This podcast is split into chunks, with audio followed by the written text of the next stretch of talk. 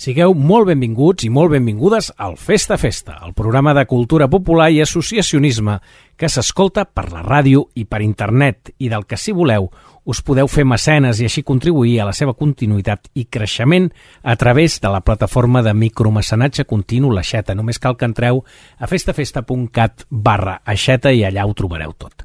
Aquest Festa Festa, el que ara esteu escoltant, és el 727 en presència a internet i el 2516 de tota la seva història, que va començar al setembre de 1989, que em fa d'anys, eh?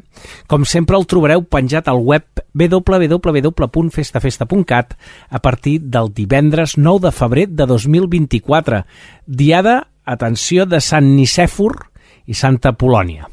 Un cap de setmana, el del 9 a l'11 de febrer, que trobareu festes majors a Itona i a Barcelona, que, entre d'altres poblacions que estan de festa. El tema central d'aquesta setmana és el dossier de la revista Canamàs 26, que du per títol Mirades polítiques, cultura popular, associacionisme i patrimoni, i que ha coordinat la Gemma Aguilera Marqual. Tenim per endavant 55 minuts de cultura popular. Veniu, sí, ens acompanyeu, doncs ara sí, comença el Festa Festa.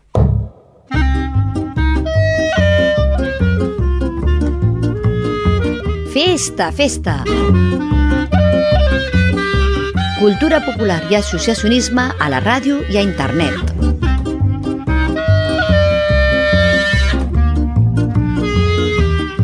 Ja ho sabeu, el Festa Festa és aquell programa que podeu seguir per les xarxes socials, Facebook, X i el canal de Telegram i accedir a tots els continguts per VilaWeb, per Tornaveu i per barcelona.cat barra cultura popular. Però també el podeu escoltar al programa per les aplicacions de podcast d'Apple Podcast, Google Podcast i Spotify i Overcast. I sigueu també molt benvinguts els que ens escolteu des dels vostres aparells de ràdio, des de les emissores que setmana a setmana ens programen i ens fan confiança. I aquesta setmana saludem de manera especial els que ens escolteu des de BTV i des de Ràdio Ostafrancs de Barcelona, ja que aquest cap de setmana estan immersos en la celebració de Santa Eulàlia. Com cada setmana ens espera l'actualitat del Tornaveu i de les seccions dites i refranys, l'expedient C, sons de la tradició, les cançons que tornen i tancarem la ronda de seccions amb un fons amades i escoltarem la quarta eliminatòria de la sardana de l'any. I com és habitual en aquestes dates, la programació del Tradicionarius ens ajudarà a la tria dels temes musicals. Ara marxem a trobar-nos amb la Gemma Aguilera Marquant. Festa, festa. amb Amadeu Carbó. Canamàs és la revista de pensament associatiu i cultura popular que edita l'ENS de l'associacionisme cultural català i que recentment ha publicat el número 26. Al Festa Festa estem sempre amb els ulls ben oberts a cada aportació, a cada article que fan els autors d'aquesta revista que a nosaltres ens sembla única i necessària. Un dels elements d'alt interès del Canamàs és el seu dossier central i que en aquest número 26 du per títol Mirades polítiques, cultura popular, associacionisme i patrimoni i que ha coordinat la Gemma Aguilera Marqual. El dossier ha convidat a les forces polítiques de l'arc parlamentari català a dir la seva sobre cultura popular i patrimoni immaterial. La Gemma Aguilera ens ho ha explicat al Festa Festa. Hem volgut saber primer com es va gestar aquest dossier, quina era la idea inicial i el seu objectiu principal. El dossier de cultura popular i política neix eh, ara fa un any aproximadament justament de la percepció que tenien molts membres de Canamàs i de, i de Tornaveu dins de l'ENS que realment la política doncs, no estava donant a la cultura popular i al patrimoni immaterial el, el tracte que mereix com a part substancial de la nostra societat eh, des del punt de vista històric, cultural i fins i tot emocional teníem una percepció que malauradament s'ha complert d'un cert oblit i de que es tractava doncs, d'una doncs, cosa secundària i que havia acabat doncs, folcloritzada en el sentit més negatiu del terme. Comencem a pensar que estaria bé doncs, demanar directament als partits polítics sobre qüestions claus d'aquesta cultura popular, associacionisme i patrimoni, diverses qüestions per veure doncs, com respiraven, no? A partir d'aquí comencem a embastar el dossier, comencem a buscar quines preguntes serien claus i què és el que volem realment, com volem que sigui aquesta radiografia i comencem a treballar-ho. Un treball que cal dir que ha estat eh, llarg i farragós. La cosa, un cop engegada, sembla que ha costat Déu i ajuda a tancar el dossier. Fins i tot, alguna de les formacions s'ha fet l'orni i no ha contestat a la crida del Canamàs. Una de les decisions que vam prendre des del primer moment és que passaríem als partits eh, amb representació al Parlament un qüestionari tancat, perquè no poguessin d'alguna manera escapolir-se i haguessin de respondre, reflexionar i meditar bé les seves eh, respostes, molt preguntes molt acotades i molt enfocades precisament a trobar aquesta radiografia sobre la relació entre cultura popular, patrimoni, associacionisme i política. Se'ls va començar a passar un qüestionari doncs, cap aproximadament al mes de març i val a dir que la majoria de partits no ens van fer cap mena de cas, vam haver de fer un treball molt intens d'alguna manera de persecució fins i tot i d'explicar-los que aquell dossier tenia importància i que no era una qüestió menor. Alguns ens van donar l'excusa de les eleccions municipals, altres directament no ens van contestar, Val a dir que els primers a respondre van ser els comuns i la resta vam haver de, de treballar-ho molt, fins i tot en el cas de, per exemple, Ciutadans, que no ha participat en el dossier, se'ns va dir directament que, que ja no ho farien. Hem inclòs també la participació de Vox després d'un debat intens de decidir si valia la pena o no valia la pena incloure aquest partit d'extrema dreta. Finalment vam decidir que sí, perquè també era interessant conèixer exactament quina és la seva percepció i la seva posició respecte a tots aquests temes que pensàvem radiografiar. El resultat final doncs, va ser que vam haver de tancar el dossier gairebé a córrer cuita doncs, a, pràcticament al, al mes d'octubre perquè no havíem obtingut les respostes de molts dels grups parlamentaris.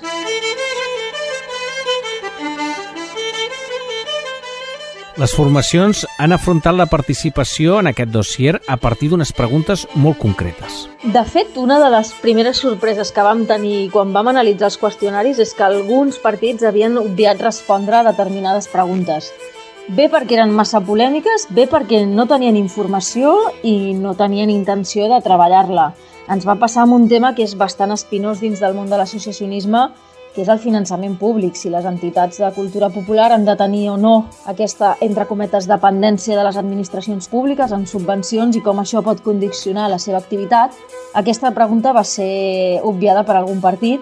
Per altra banda, hi havia una última pregunta en el qüestionari que era oberta i que era justament per veure quines propostes tenien a cada partit en, en determinats àmbits. Era una pregunta oberta amb propostes de cara a millorar doncs, aquest vincle entre la cultura popular i la política. I aquí també va haver-hi partits que sembla ser que no tenien idees o això ens van dir. Tant la Gemma Aguilera en la introducció al dossier com la Dafne Muntanyola en l'anàlisi de les respostes rebudes pinten un panorama força inquietant – per no dir decebedor, sobre la mirada que tenen els grups polítics sobre la cultura popular. Doncs la part de l'anàlisi de les respostes jo crec que va ser la més complexa i la més decebedora de tot el procés de, de gestació d'aquest dossier. Tant la Dafne Montanyola, que és una sociòloga reconeguda, com jo mateixa, vam haver d'enfrontar-nos a una realitat que de fet ja sabíem que passaria i és que el contingut i les respostes dels partits eren més aviat pobres. I la conclusió final a la qual vam arribar les dues en paral·lel i vam tenir una conversa i vam arribar a la mateixa conclusió és que la cultura popular, l'associacionisme i el patrimoni immaterial havien passat a ser absolutament residuals en la vida política d'aquest país i no veiem cap símptoma que ens donés una certa esperança de pensar que això pot millorar en el curt termini. Les respostes eren poc treballades i totes anaven d'alguna manera encaminades a instrumentalitzar la cultura popular en benefici del context polític o de la situació social i cultural del país en un determinat moment, però en cap cas hem detectat que es consideri la cultura popular com una eina troncal d'aquesta societat que volem integradora i plural. No? La teoria és molt bonica i la pràctica doncs, ens hem adonat que no ho és tant. No?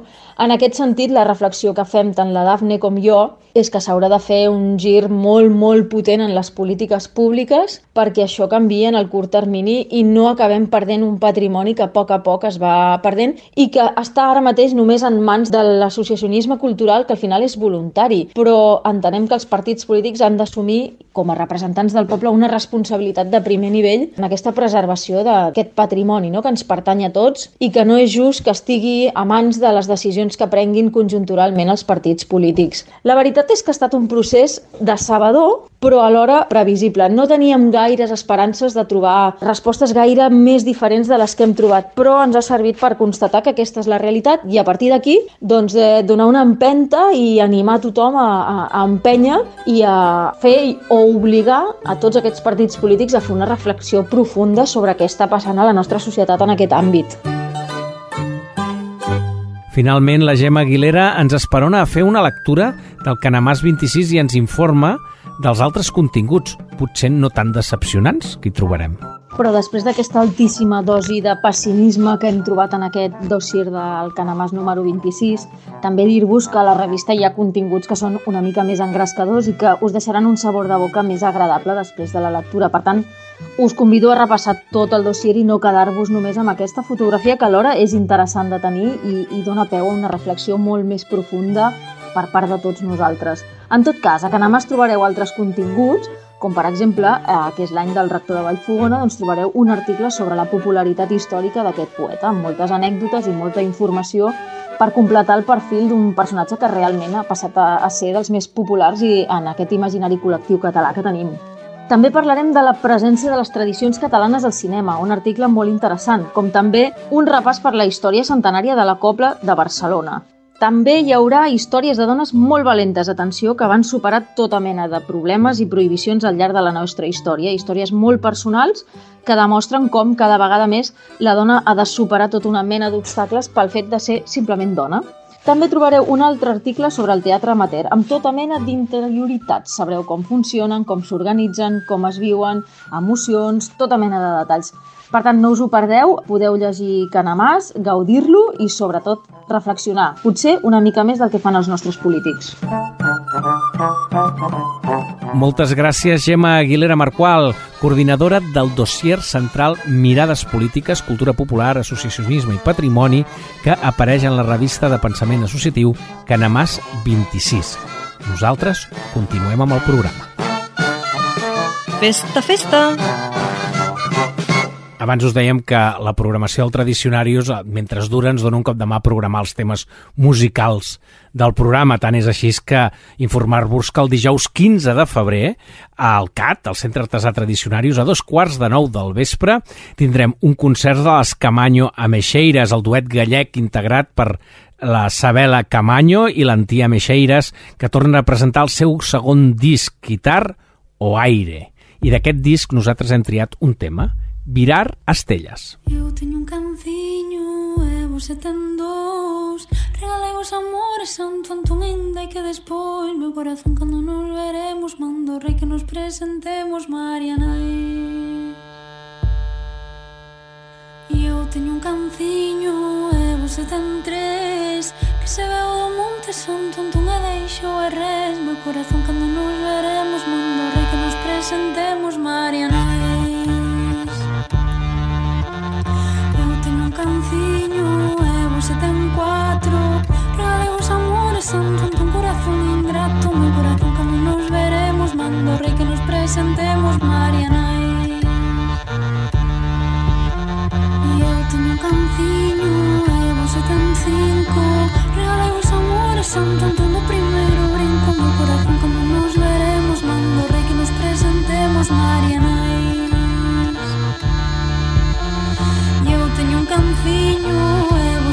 seis Que despois do Nadal son tonto que se cantan os reis Meu corazón cando nos veremos Mando rei que nos presentemos Marianais E eu ten un canciño E vos se ten sete E o que paso máis Antón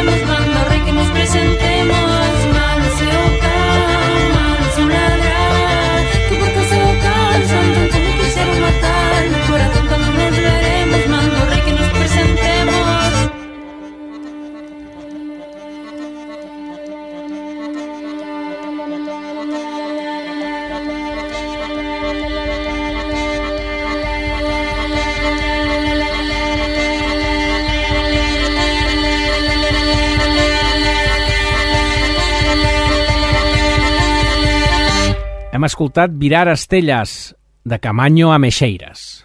L'actualitat al Festa Festa sempre ve de la mà del digital de cultura popular i associacionisme Tornaveu, que la Núria Pasqual en fa una tria, els fa, el converteix en format radiofònic i el serveix puntualment cada setmana aquí al Festa Festa. Són les notícies del Tornaveu. Endavant! Festa, festa! Les notícies del Tornaveu.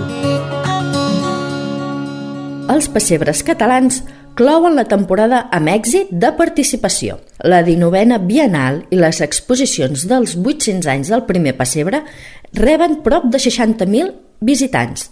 Per la Federació Catalana de Pessebristes ha estat una temporada molt positiva, marcada per una àmplia participació de públic i de les entitats. S'han fet unes 120 exposicions i pessebres públics. Les tres grans cites celebrades en el marc de la commemoració dels 800 anys, la Bienal, l'exposició del Museu d'Història de Barcelona i la de la Casa dels Entremesos, han servit per apropar la realitat del pessebrisme a Catalunya i el seu paper referent en l'àmbit internacional, segons destaca el president de la Federació, Ramon Albornà. Aquest any es celebrarà els 150 anys de la mort d'Anselm Clavé, i per motiu d'aquesta efemèride, Esther Pardo i Jimeno, vicepresidenta de la Federació de Cors Clavé, farà una xerrada aquest dimarts 13 de febrer a dos quarts de vuit de la tarda al Centre Cultural Popular La Violeta de Gràcia. Recordem que Josep Ensem Clavé i Camps polític, compositor i escriptor català, fundador dels moviment coral català i impulsor del moviment associatiu.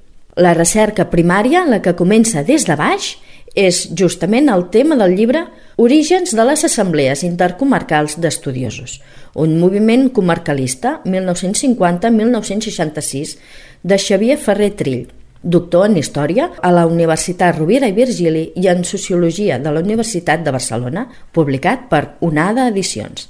Aquest treball sintetitza l'evolució de les reunions de treball, matèries d'història i de geografia comarcal i local que posteriorment han estat objecte d'estudi en centres universitaris. I fins aquí les notícies del Tornaveu. Gràcies, Núria Pasqual, i ens retrobem la setmana vinent amb unes noves notícies del Tornaveu. Festa, festa! I anar anant ja arribem a la quarta eliminatòria del concurs de la sardana de l'any. Recordem que és un concurs radiofònic de participació popular on els oients voten les sardanes estrenades, en aquest cas les del 2023, i que competeixen entre elles per arribar al concert final on s'escollirà la sardana de l'any. I aquest any la final se celebrarà el dissabte 25 de maig de 2024 a l'Auditori August del Palau de Congressos de Tarragona. Ja podeu anar doncs, eh, ocupant aquesta data a l'agenda, eh? no us ho podeu perdre. I com sempre, a aquesta quarta eliminatòria ens la presenta la Mercè Herrero. Som Sardana presenta la Sardana de l'any. Quarta eliminatòria. Sardana número 1. Collsospina sardaneja, de Xavier Capdevila. Cobla principal del Llobregat.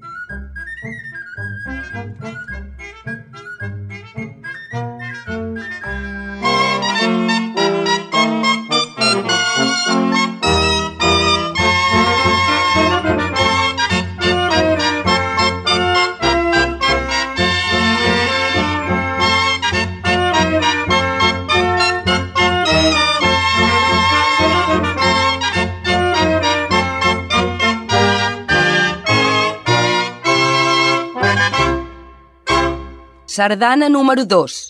Sota l'esguard del Sant Cris de Balaguer, de Josep Cassú. Cobla principal del Llobregat.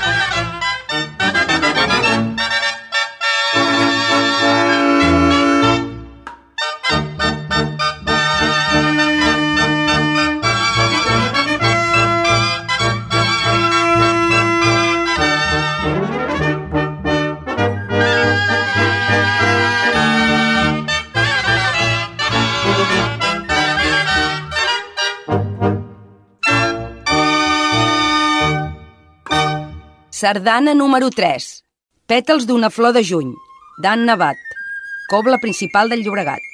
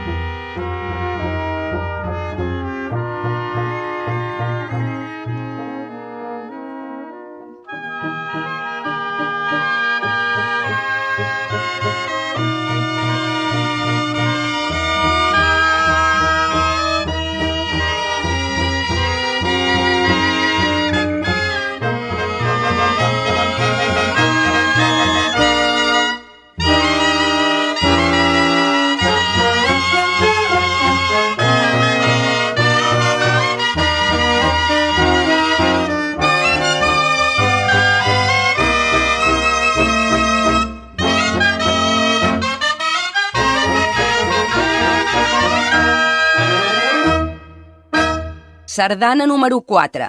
La Conxita i l'Agustí, de Joan Moliner. Cobla Maricel.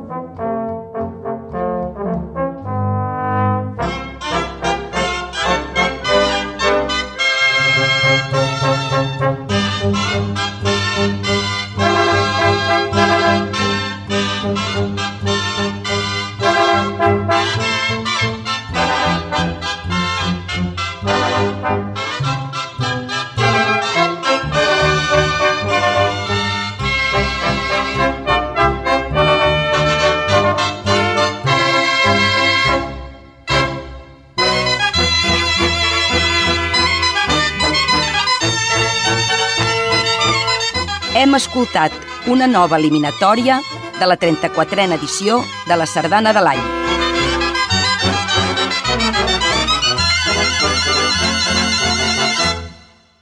Gràcies, Mercè Herrero, i fins la setmana que ve. Tots els que ens escolteu us animem a que, si voleu, participeu i voteu. I ho podeu fer al web de lsda.cat, on podreu tornar a escoltar totes les sardanes i votar la que més us hagi agradat. Festa, festa! I enfilem cap a Vallromanes, allí ens està esperant en Víctor Pàmies per explicar-nos, comparar què vol dir la dita més val un pardal a la mà que una perdiu en l'aire. Són les dites i refranys d'en Víctor Pàmies.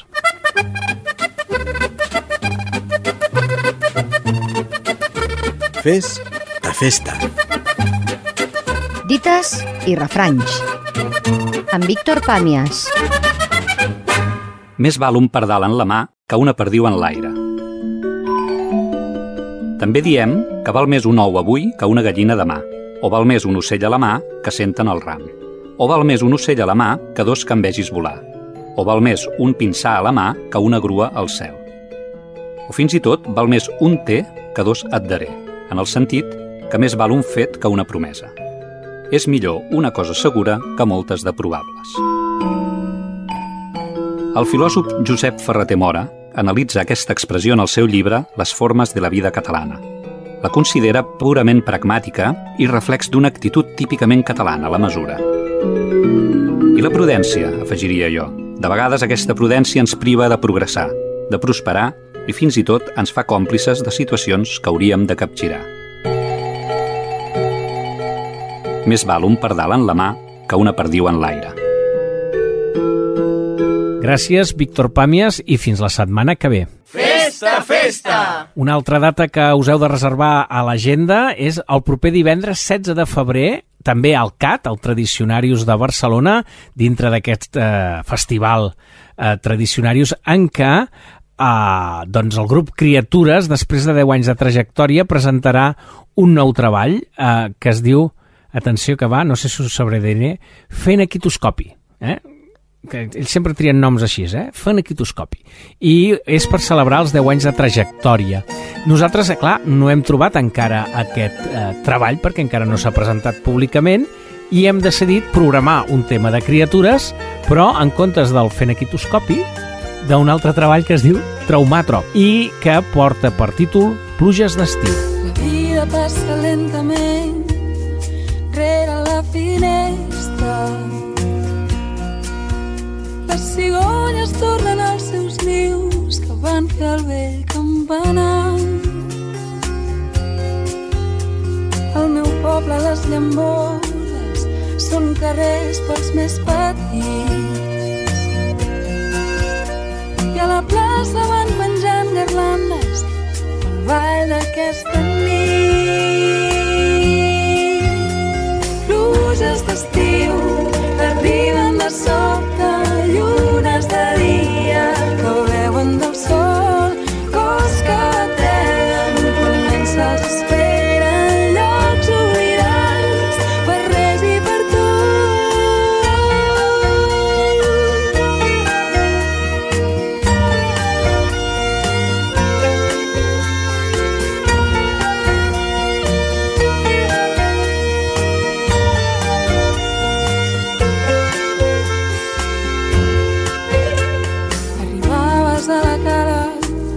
desenredant els teus cabells.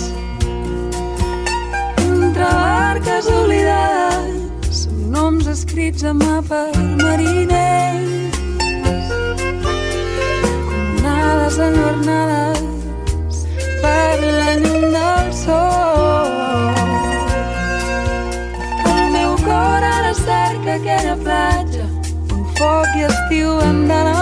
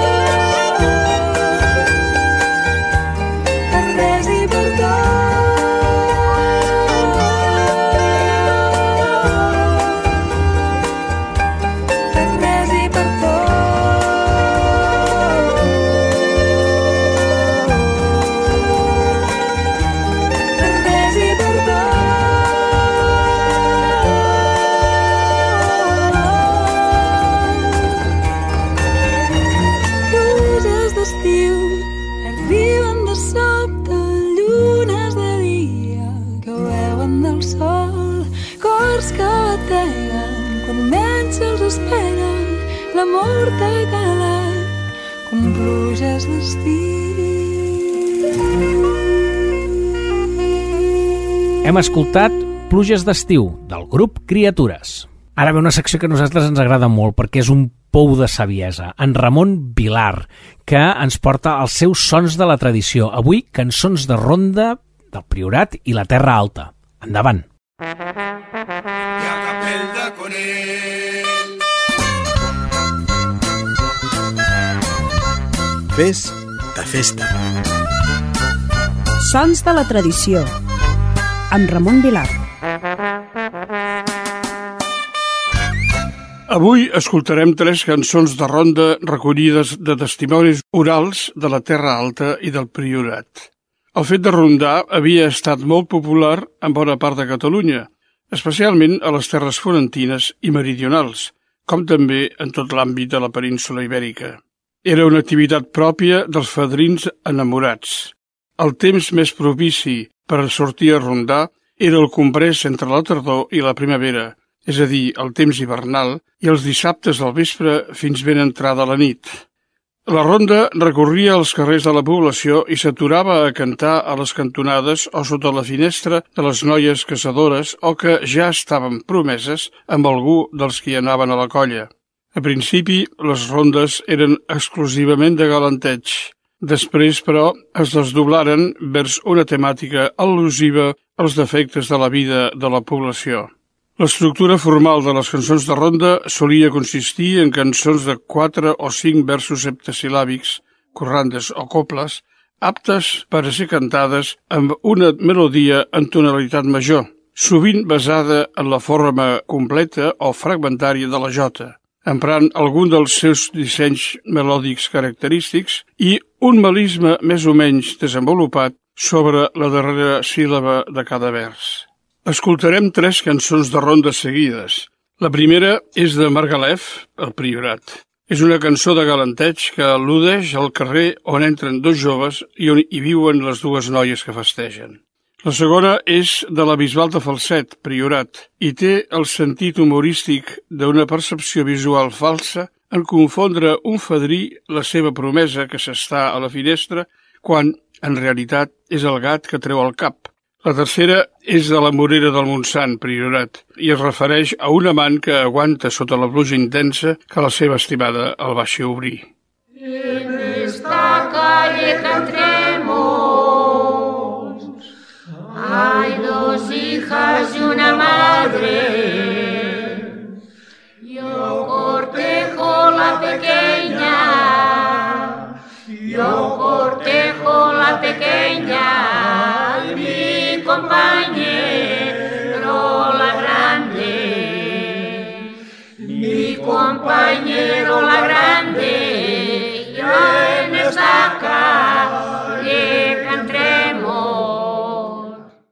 embolicada en un gorro y a la ventana la ves. Embolicada en un gorro, me pensaba que era ella y era el gos que traía el morro. Era el gos que traía el morro y a la ventana la ves. Y aquí me que llueve, y aquí me que llueve, que rechuman las canales. Marieta baja a abrir, yo soy aquel que tú sabes. Yo soy aquel que tú sabes, y aquí me arrimo que llueve. Moltes gràcies, Ramon Vilar, i fins la propera. I setmana sí, setmana no, rebem la secció del Josep Maria Dell. Avui, a Cançons que tornen, la companyia elèctrica d'Arma i la presó del rei de França. Endavant!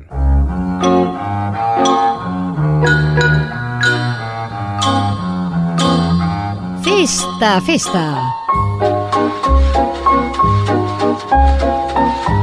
Cançons que tornen.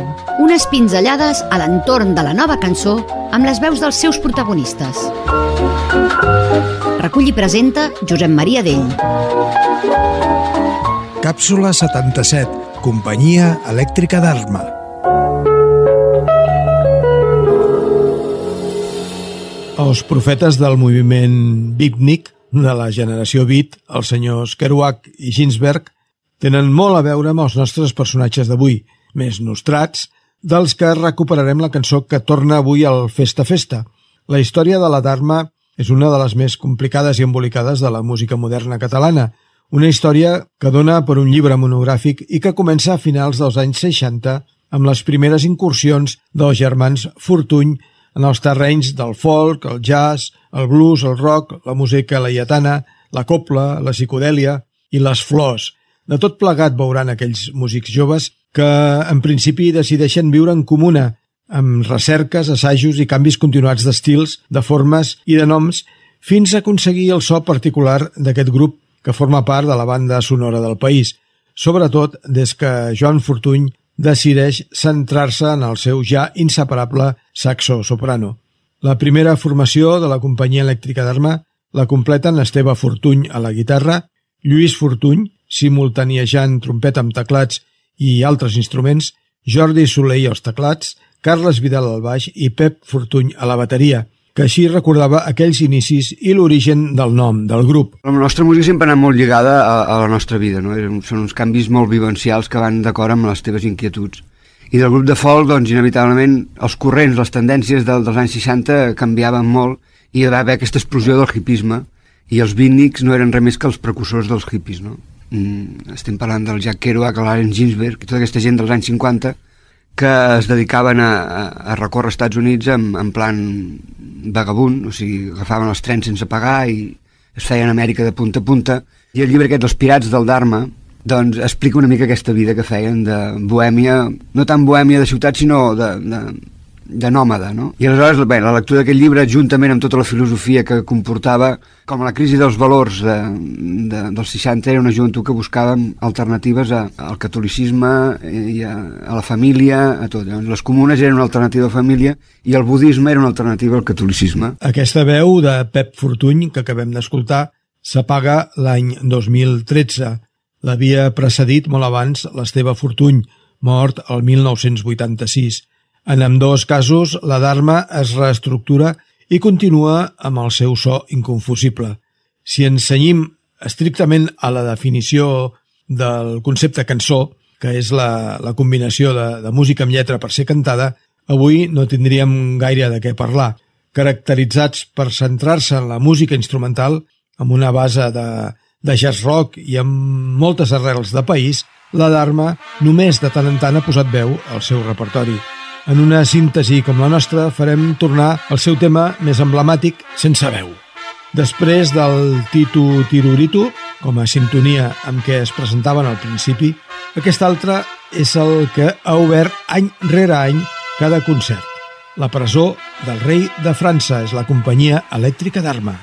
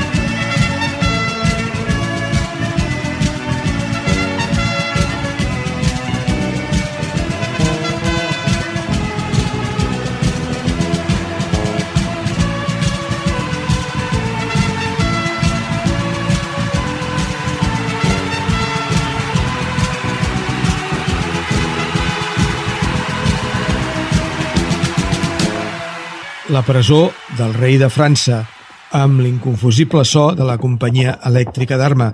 En lloc de cançó, avui hem de dir que aquesta és la música que ha tornat al Festa Festa. Moltes gràcies, Josep Maria d'ell, i fins dintre de dues setmanetes, d'aquí 15 dies. Festa, festa!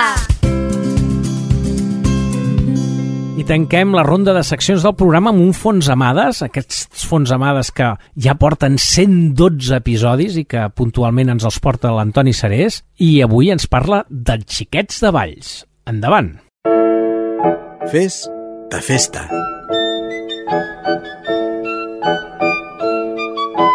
Fons Amades. Un espai de l'Antoni Serés amb la col·laboració de l'Associació Joan Amades i de la Direcció General de Cultura Popular i Associacionisme Cultural de la Generalitat de Catalunya. Els xiquets de Valls és l'exemplar número 14 de la col·lecció Biblioteca de Tradicions Populars, que Joan Amades va escriure l'any 1934 i que més endavant, el 2001, l'Associació Cultural Joan Amades, amb edicions al Mèdol, van reimprimir afegint una introducció de Josep Bargalló Valls, on comenta que Quan Joan Amades va publicar el 1934 la seva monografia dedicada al fet casteller, aquest costum havia tot just superat una etapa d'absoluta i rotunda decadència i començava ja a enfilar el seu reviscolament, temporalment seccionat per la guerra del 1936, tot i que es trobava encara molt lluny dels temps d'esplendor en què s'ha situat les darreres dècades. Un element de capdalíssima importància per la elevació del castell és la música, que actua com de essència exaltadora, que corrent per tot l'ésser dels castellers els fa redreçar i els dona el braó per alçar llur meravellosa construcció.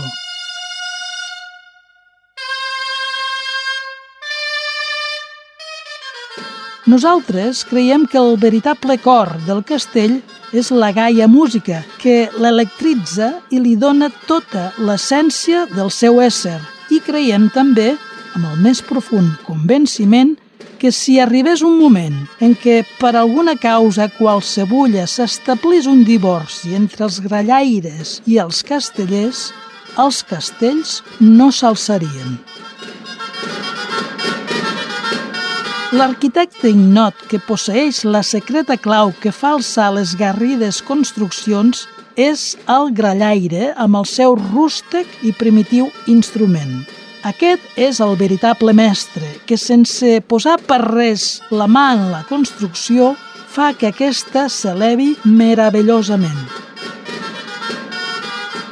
El casteller, forçut i pacient, és el brau carreu que alça l'edifici, és el gegant de força inaudita que presta el seu cos perquè serveixi de graó per a fer l'escala que ha d'abastar el cel. Però el grallaire, amb el seu gai so, és el qui poetitza la feixuga feina. És l'ànima subtil de la gegantina construcció. És l'esperit selecte de tota aquella mena de gegants fets pedra.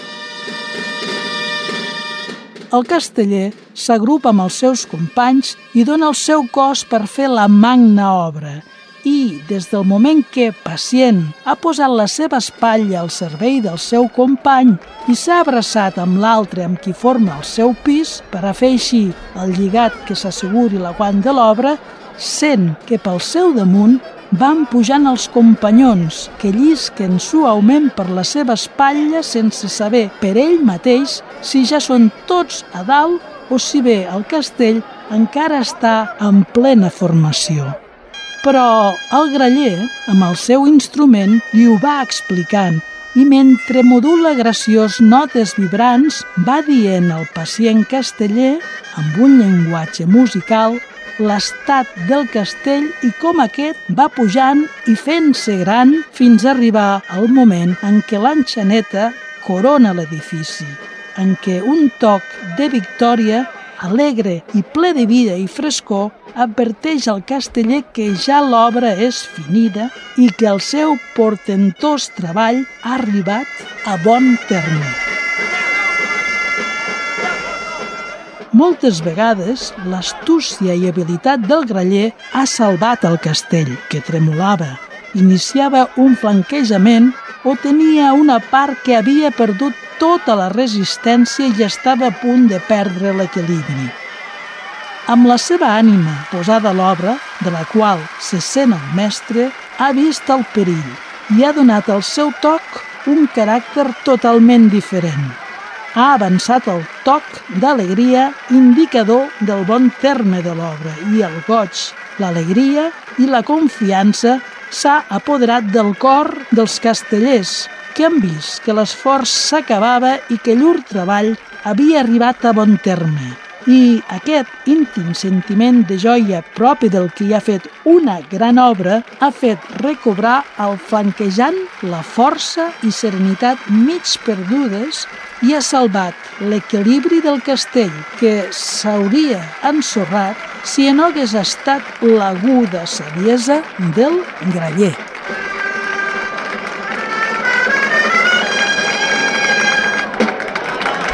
Moltes gràcies, Antoni Serés, i fins la propera. Festa, festa!